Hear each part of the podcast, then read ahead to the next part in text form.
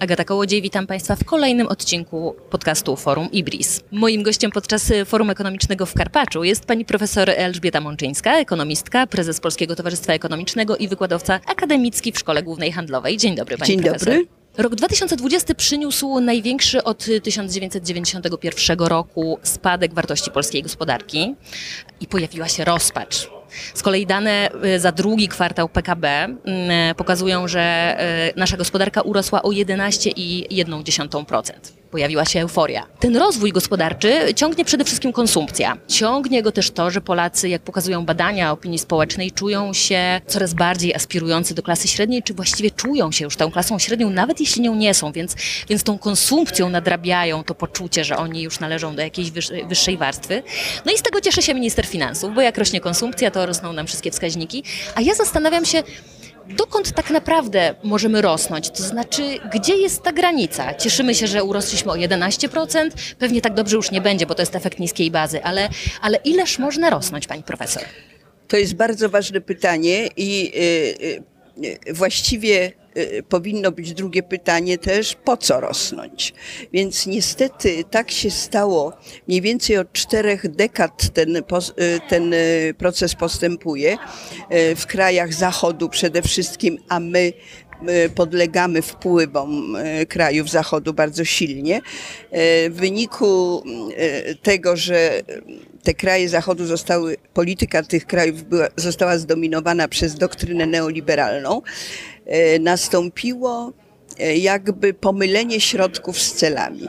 Celem stał się PKB. Celem, fetyszem, y, bożkiem. Nie, nie ma pani dnia, nie znajdzie pani dnia, e, e, gdyby, e, żeby w, jak, w każdym kraju właściwie, w gazetach, w radiu, we wszystkich mediach nie było wspomniane o PKB. PKB rośnie 4,9, 4,1, 5,1 i, i mamy takie komunikaty, że oto było 4,9, a jest 5,1, a będzie 5,5. No i co Kowalski z tego rozumie? No właśnie, on tylko wie, że Niewiele, powinien bo się PKB cieszyć. nie, nie włoży do garnka, że tak powiem. Mało tego, gdyby pani zrobiła sondę uliczną i zapytała, czy pan, pań wie, co to jest PKB, to daje głowę, że duża część osób w ogóle nie potrafiłaby tej miary, tego akronimu rozszyfrować. A te niektóre osoby, które nawet by rozszyfrowały, nie bardzo by wiedziały, co to jest tak naprawdę. I może warto powiedzieć, że to jest miara y, bardzo potrzebna, ale miara wyłącznie naszych poczynań rynkowych.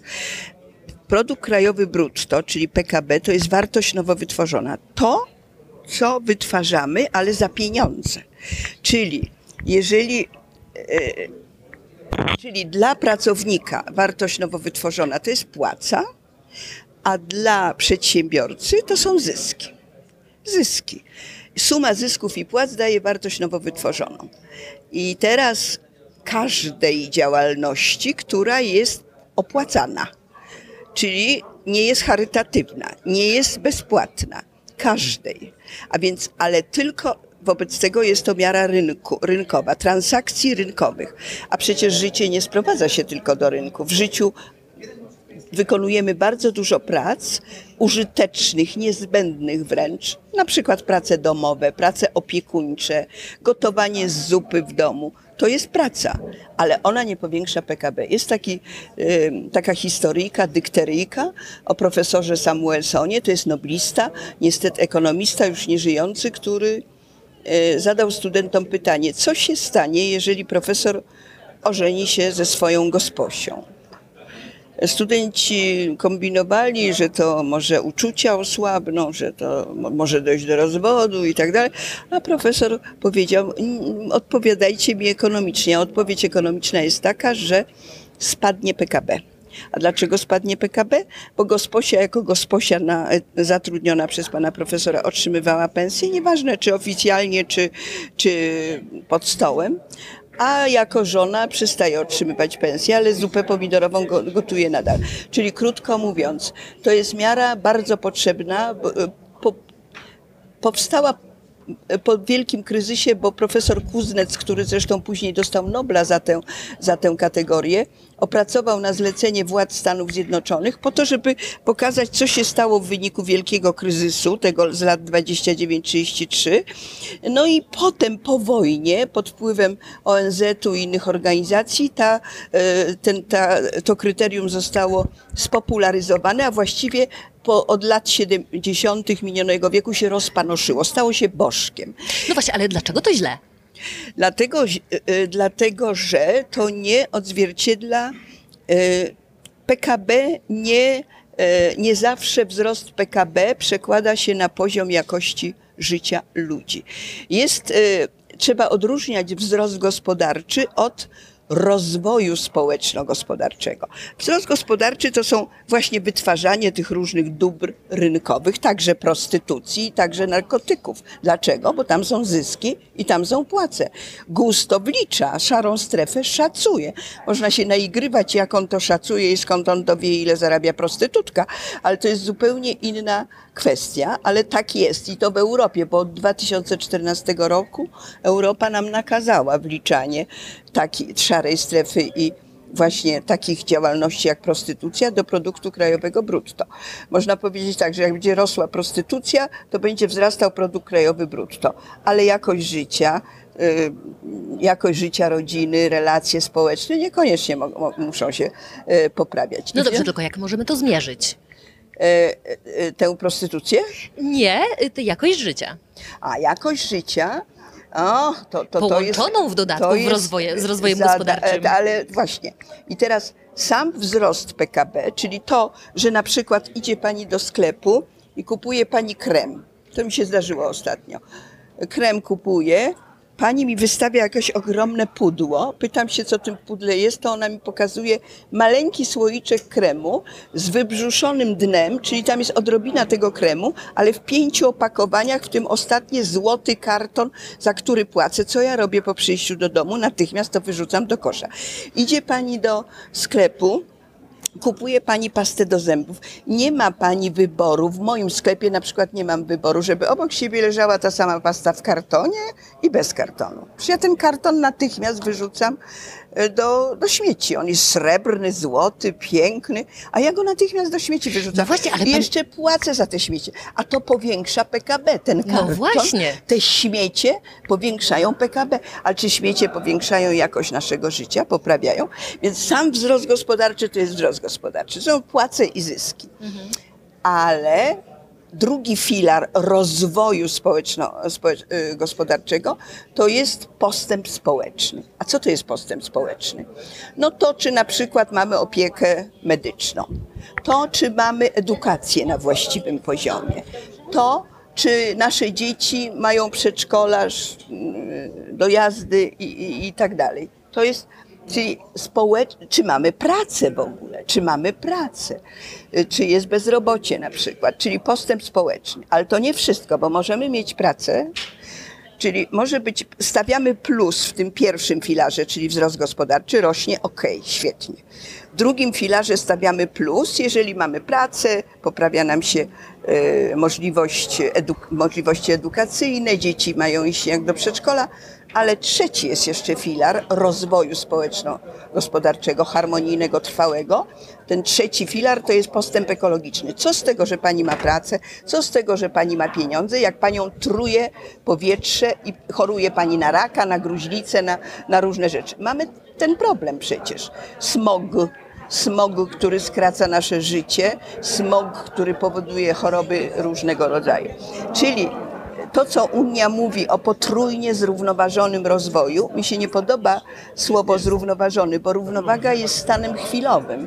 Ja teraz mam poczucie nierównowagi, bo, bo chcę się napić kawy, no to idę, napijam się kawy i mam równowagę, prawda?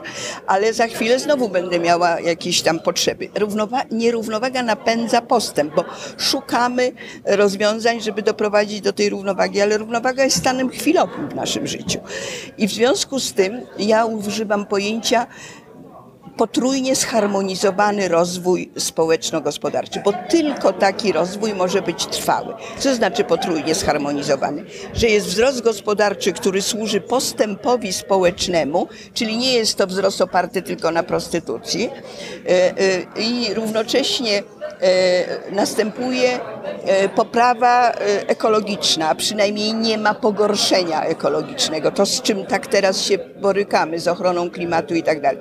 Dopiero jeżeli w tych trzech filarach możemy postawić plusy, to możemy mówić o trwałym, harmonijnym albo potrójnie zrównoważonym rozwoju społeczno-gospodarczym. Czyli wzrost i rozwój to nie to samo. Sam wzrost bez postępu społecznego i bez postępu ekologicznego jest dzikim wzrostem gospodarczym, a taki wzrost może zabijać.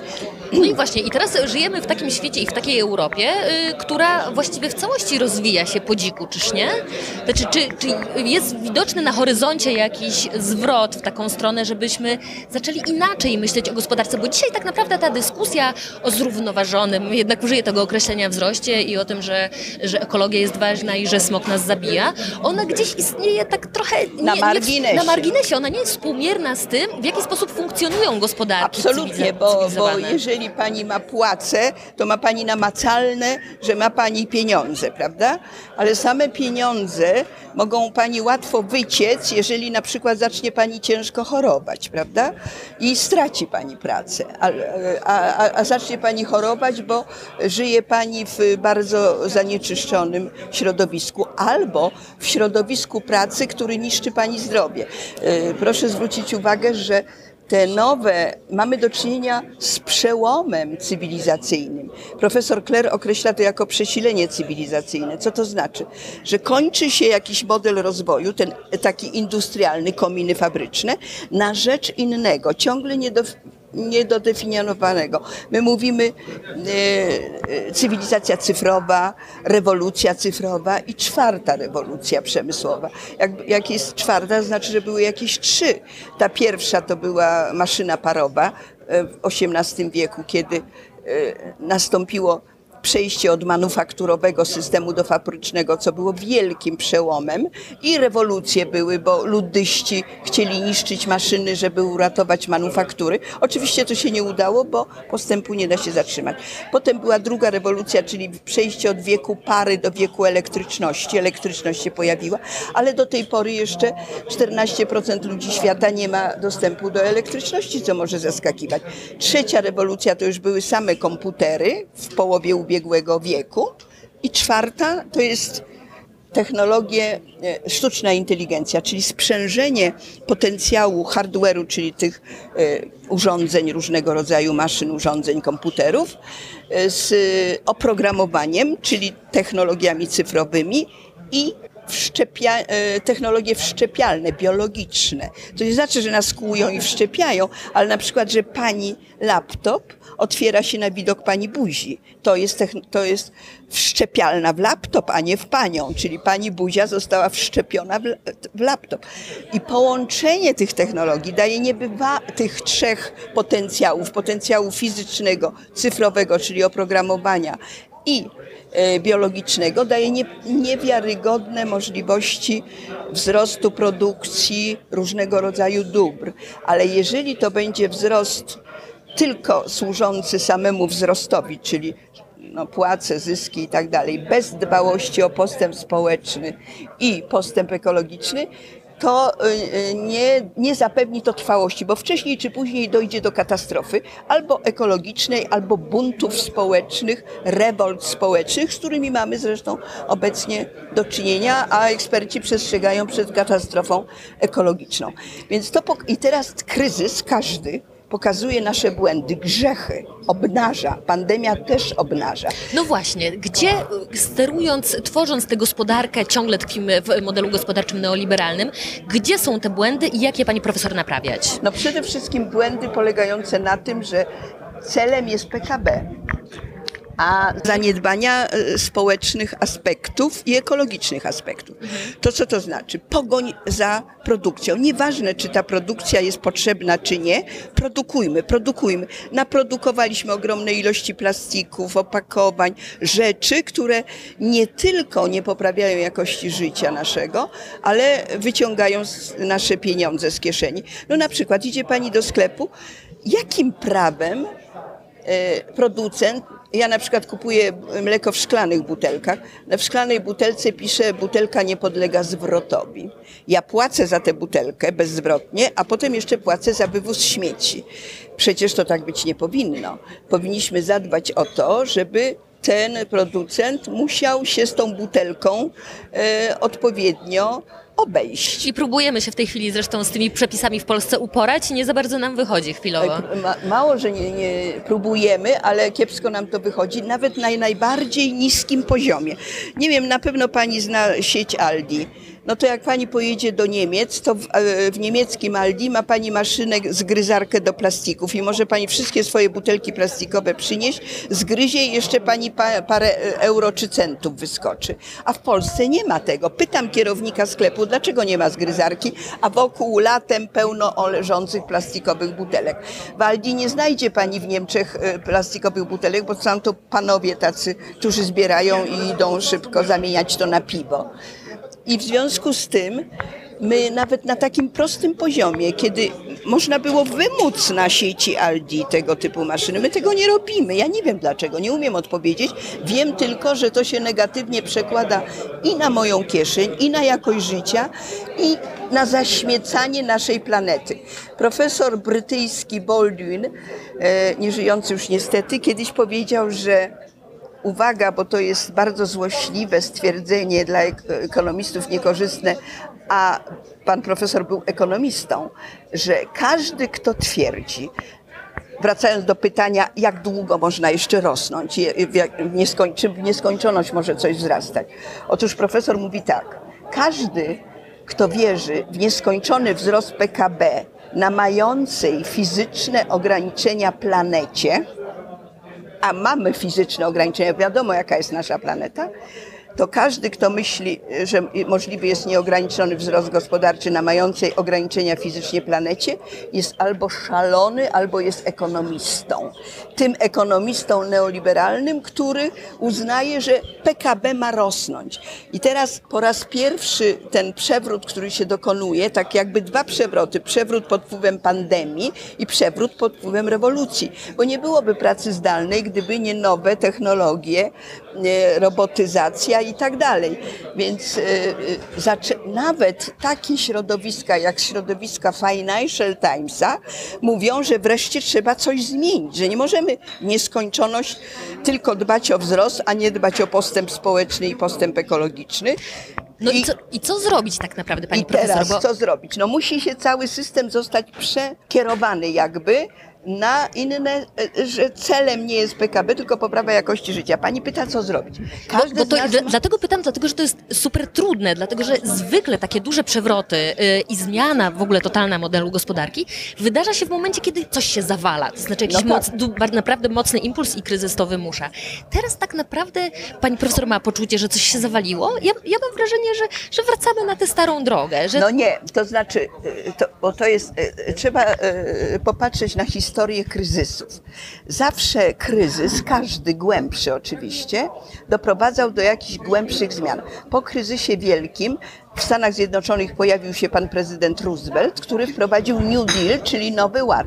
A jaki ten Nowy Ład był porównaniu z poprzednim, no dbałość o cele społeczne, na przykład przeciwdziałanie bezrobociu, żeby ludzie mieli pracę. E, No oczywiście spotykało się to z różnymi protestami biznesu, bo Roosevelt narzucał wysokie podatki, wysoka progresja. Ta nasza progresja to jest nic, tam progresja dochodziła do 90%.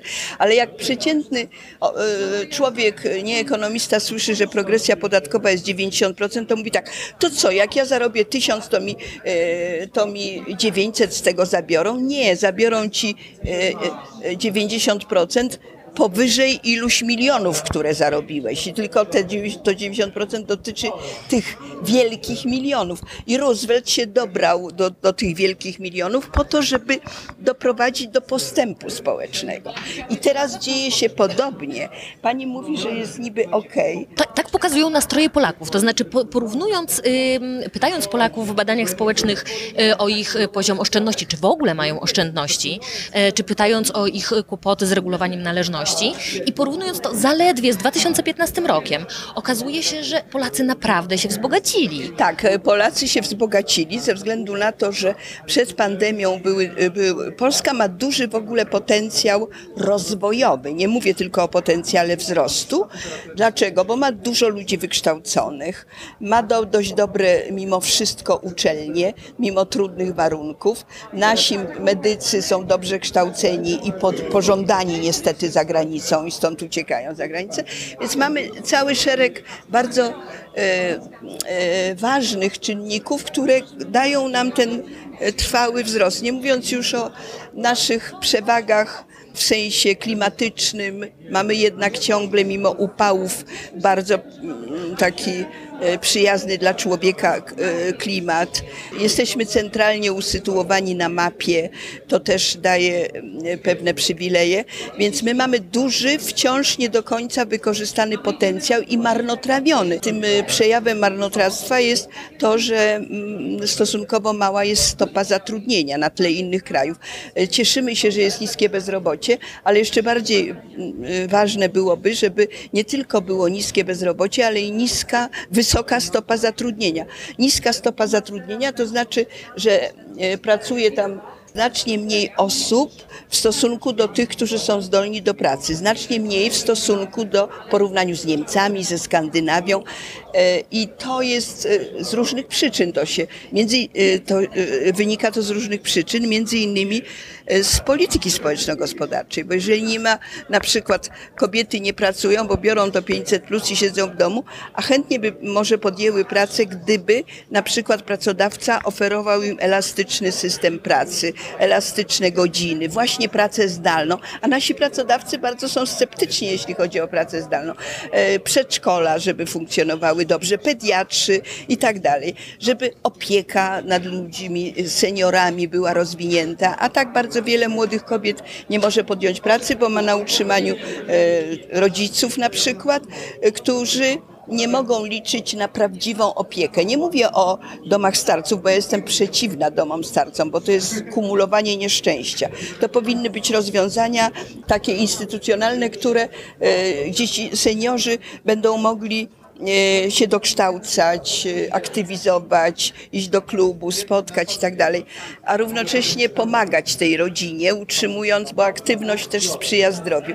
To takich rozwiązań u nas nie ma. Polityka senioralna leży e, na łopatkach, w odróżnieniu od innych krajów, gdzie ona jest rozwinięta, a to jest marnowanie potencjału. Dzisiaj na raport, w czasie prezentacji raportu SGH było pokazane, jak my jesteśmy w tyle pod względem zagospodarowania seniorów właśnie, e, gdzie w innych krajach e, oni potrafią, e, no zapewnia im się, jeśli chcą oczywiście pracować, to mogą pracować, a u nas no, pa- 50 parę osób, 50 parę lat to już się traktuje, że kobieta się już nie nadaje, mężczyzna z trudem, szuka się młodych i zaniedbuje cały wielki, ważny obszar, a społeczeństwo się starzeje i tych ludzi będzie przybywać i to jest potencjał wielki, który trzeba wykorzystać. I to są też wyzwania dla, e, dla polskiej gospodarki. Pytanie pani profesor, czy Polski Ład próbuje na te wyzwania jakkolwiek odpowiadać? Kierunkowo na pewno. Kierunkowo na pewno, bo w Polskim Ładzie jest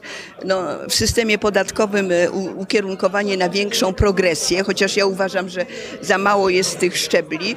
E, To znaczy, co powinniśmy wprowadzić więcej progów podatkowych? tak, moim zdaniem tak, ale przy odpowiednio wysokich dochodach. Nie chodzi o opodatkowanie jakiegoś tam średniaka więcej, ten, ten nawet może powinien być niżej opodatkowany i tak to mniej więcej jest. Natomiast chodzi o to, o opodatkowanie naprawdę tych wysoko zarabiających bardzo. No mamy właściwie podatek solidarnościowy, on nie wystarcza? Nie, nie wystarcza, dlatego że e, on e, to jest e, e, podatek, który na tle innych krajów, które mają podatki progresywne, e, stopa jest y, u nas ciągle niewystarczająca i dlatego mówię o tych progach, bo w tej chwili jednakowo jest opodatkowany procentowo, jednakowa jest osoba, co zarabia e, 120 tysięcy, ten próg, prawda, został przesunięty, E, a inaczej, inaczej E, e, A chodzi o opodatkowanie te, tych osób, które rzeczywiście mają milionowe dochody,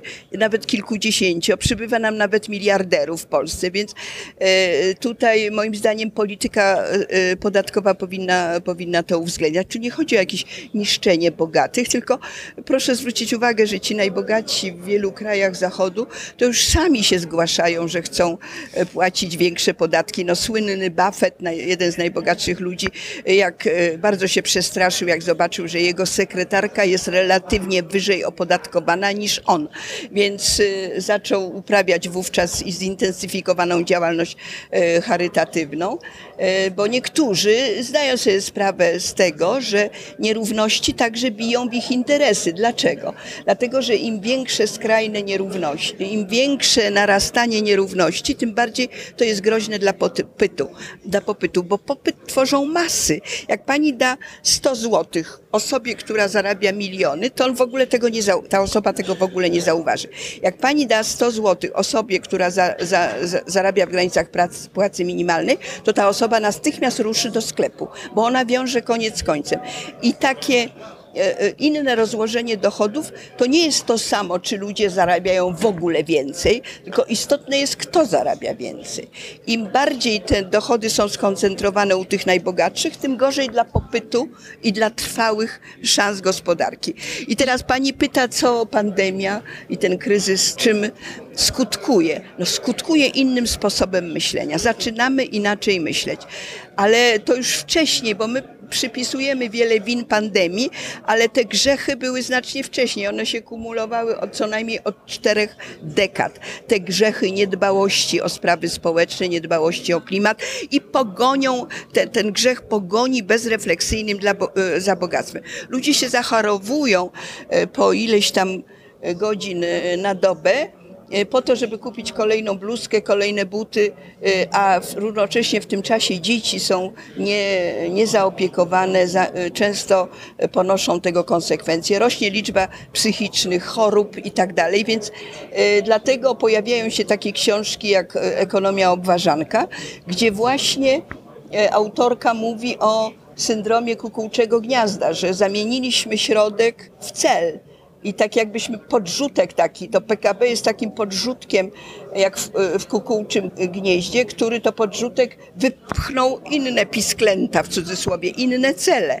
I ona mówi o eksmisji, ku- eksmisji te, tego, tego kukułczego jaja, żeby to wywalić, żeby no nie wywalić w sensie w ogóle, tylko żeby po prostu zadbać o te inne cele. I i to już się powoli zaczyna działać. Proszę zwrócić uwagę, jak się zmieniło, e, zmieniły poglądy Międzynarodowego Funduszu Walutowego, który do niedawna mówił polityka zaciskania pasa, a teraz namawia, żeby kraje państwa finansowały osoby ubogie, żeby dofinansowywały, żeby dofinansowywały edukację i żeby wyrównywały szanse i tak dalej. To, to w ogóle jeszcze przed 2008 roku było niebywałe. Przecież jeszcze po 2008 roku Międzynarodowy Fundusz Walutowy Grecji, Grecję prawie udusił swoim zaciskaniem pasa i potem e, okazało się, że gospodarka wcale się nie odradza, tylko umiera i, i po, no, Międzynarodowy Fundusz Walutowy poszedł po rozum do głowy, czyli na razie się to zmienia w sposobie myślenia, ale to jest walka o interesy. No właśnie, pani profesor, tak już zupełnie na koniec. E, Czy my jesteśmy w Polsce gotowi na, na taką zmianę i na wyrzucenie tego PKB z, e, z gniazda? Jeśli starając się, próbując zwiększyć progresję, nagle słyszymy w Polsce krzyk przy okazji prezentacji e, pierwotnych pomysłów Polskiego Ładu, że to jest zażynanie klasy średniej, że w ogóle jakby każda ze stron atakuje tego rodzaju pomysły. e, I ja mam Nie, wrażenie, to- że nie jesteśmy gotowi na, na taką progresję. i Mało na... tego, przedsiębiorcy przy każdej próbie wzrostu podatków ostro protestują. Teraz też okazuje się, że przedsiębiorcy wynegocjowali stawkę zdrowotną niższą, I a wygrali my, właściwie. a my będziemy płacić 9%. Otóż ja uważam, to jest absolutnie niesprawiedliwe. I nie wiem, nie znajduję argumentów, dlaczego, poza argumentami silnego działania lobby przedsiębiorców. Poza argument, a my nie mamy jako osoby fizyczne takiego lobby. I w związku z tym chciałam tylko powiedzieć, zainteresować może osoby, które się tą problematyką y, zajmują, że właśnie e, następuje y, już pojawiają się opracowania, publikacje, które bardzo krytycznie oceniają takie postępowania przedsiębiorców, bo można powiedzieć tak, no to jest wilcze prawo przedsiębiorcy walczyć o niższe opodatkowanie, tak? Ale z drugiej strony ten sam przedsiębiorca to niższe, to niższe opodatkowanie, to znaczy niższe wpływy do budżetu, a niższe wpływy do budżetu to mniejsze nakłady na edukację, mniejsze nakłady na ochronę zdrowia, na infrastrukturę, a potem przedsiębiorcy płaczą, że tego nie mają, dróg nie mają, czegoś nie mają, ale podatków nie chcą płacić. Rodzaj schizofrenii podatkowej. Niskie podatki, ale wysokie usługi ze strony państwa. No nie da się, tak? I tutaj pani profesor... Nie, ale jeszcze tylko jedną rzecz, może pani potem to wyciąć, ale jeszcze tylko jedną rzecz. Otóż Paul Krugman, ekonomista, noblista amerykański, bardzo znany, felietonista z New Yorkera, e, on napisał e, w ubiegłym roku, wydał taką książkę, która w przełożeniu na polski nazywa się Zombie Idee. Idee, idee zombie. Otóż zombie idee to są takie trupy, które już jest tysiąc dowodów na to, że to jest e, nieprawidłowe rozwiązanie, a jednak ciągle się bronią i straszą i funkcjonują. I Krugman do takich zombie idei zalicza właśnie tę tezę, że niskie podatki e, służą biznesowi, bo oni, biznes się bogaci, a jak biznes się bogaci, to wszystko się, e, wszyscy się bogacą, bo jest teoria skapywania, czyli że każdy przypływ unosi wszystkie łodzie. A Kołotko niedawno w Rzeczpospolitej napisał, no tak, unosi jachty, a zatapia małe łódeczki. I to jest bardzo trafne określenie. Niestety nie jest prawdą, że każdy przypływ unosi wszystkie łodzie i Unia Europejska, teraz jest alarm w Unii Europejskiej, bo pod wpływem pandemii nierówności wzrosły, bo pandemia najbardziej dotknęła najmniej wykształconych i najuboższych. Oni nie mogą e, pracować zdalnie, tak jak my, luksusowo możemy pracować zdalnie. Oni mają e, trudne prace, niskopłatne, różne sprzątaczki i tak dalej. I e, i to jest, staje się wielkim problemem. E, W Unii ukazała się taka rezolucja, projekt rezolucji Parlamentu skierowany do Parlamentu Unijnego, żeby właśnie się zająć tym problemem groźnym bardzo narastaniem nierówności. To są zombie idea, to jest idea właśnie taka, że każdy przypływ unosi wszystkie łodzie i każda obniżka podatku wróci do nas pozytywnie. Nie wraca. Okazuje Zyskują się, że pro, przedsiębiorcy są co, najchętniej by w ogóle nie płacili podatków, ale równocześnie chętnie by korzystali z usług publicznych. Przecież korzystając z wyedukowanych pracowników, korzystają z usług publicznych. Czyli sytuacja jest bardziej złożona, to są bardziej złożone sprawy niż taka powszechna opinia, że jak wysokie podatki to źle, a jak niskie to dobrze. I tutaj, pani profesor, postawmy kropkę. Moim gościem e, podczas Forum Ekonomicznego w Karpaczu była ekonomistka, której najwyraźniej, najprawdopodobniej nie lubią przedsiębiorcy. Pani profesor Elżbieta Mączyńska, e, prezes Polskiego Towarzystwa Ekonomicznego i wykładowca akademicki Szkoły Głównej Ja bym Handlowej. powiedziała, nie lubią przedsiębiorcy, którzy mają e, wą- wąskie horyzonty spojrzenia na gospodarkę. I tak to zostawmy. Dziękuję serdecznie.